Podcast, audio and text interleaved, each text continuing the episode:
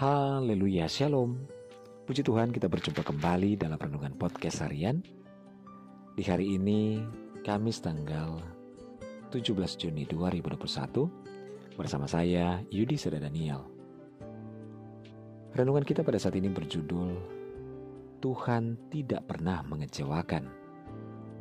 Bacaan firman Tuhan dalam Mazmur 96 ayat 4, firman Tuhan berkata, Sebab Tuhan maha besar dan sangat terpuji. Ia lebih dahsyat daripada segala Allah. Saudaraku, Tuhan tidak pernah mengecewakan setiap orang-orang yang datang untuk berharap dan mengandalkannya. Dan Tuhan akan selalu merangkul dan memeluk orang-orang anak-anaknya yang senantiasa sujud di bawah kakinya sambil menyeru-nyerukan namanya siang dan malam. Tuhan begitu peduli kepada setiap tetesan air mata kita.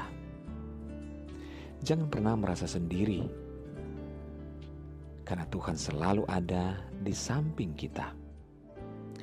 Jangan sia-siakan kasih Tuhan kepada kita dengan kita kecewa, sakit hati, bahkan patah semangat. Ketahuilah bahwa Tuhan selalu berada bersama dengan kita. Jangan pernah menukar Tuhan dengan hal apa pun yang ada di dunia ini. Semuanya akan sirna, namun kasih Tuhan akan senantiasa dicurahkan bagi setiap anak-anaknya. Saat kita mengutamakan Tuhan, maka semuanya akan Tuhan tambahkan di dalam kehidupan kita. Tuhan Yesus adalah baik, Tuhan yang tidak pernah gagal dalam segala rencananya. Oleh sebab itu, bersyukur dan berserahlah kepada kehendak Tuhan.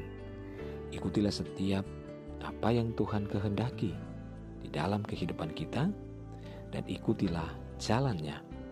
Karena jalan Tuhan akan menuju kepada keselamatan, kebahagiaan, dan kehidupan kekal. Haleluya! Tetap bersemangat di dalam segala pergumulan kita. Percayalah, bersama dengan Tuhan, kita akan melakukan perkara yang besar. Mujizatnya nyata bagi orang yang percaya dan berharap kepadanya. Haleluya! Mari kita berdoa. Bapak di surga kami bersyukur buat firman-Mu saat ini. Tuhan, kami tahu bahwa Tuhan tidak pernah mengecewakan kami.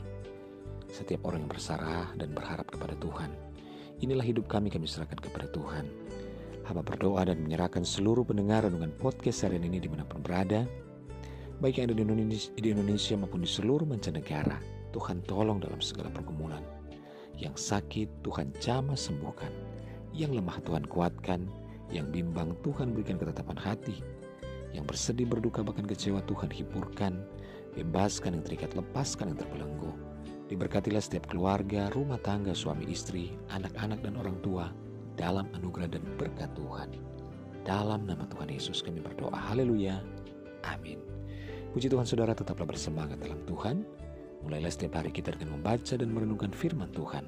Hiduplah dalam ketaatan dan ucapan syukur kepadanya. Tuhan Yesus memberkati.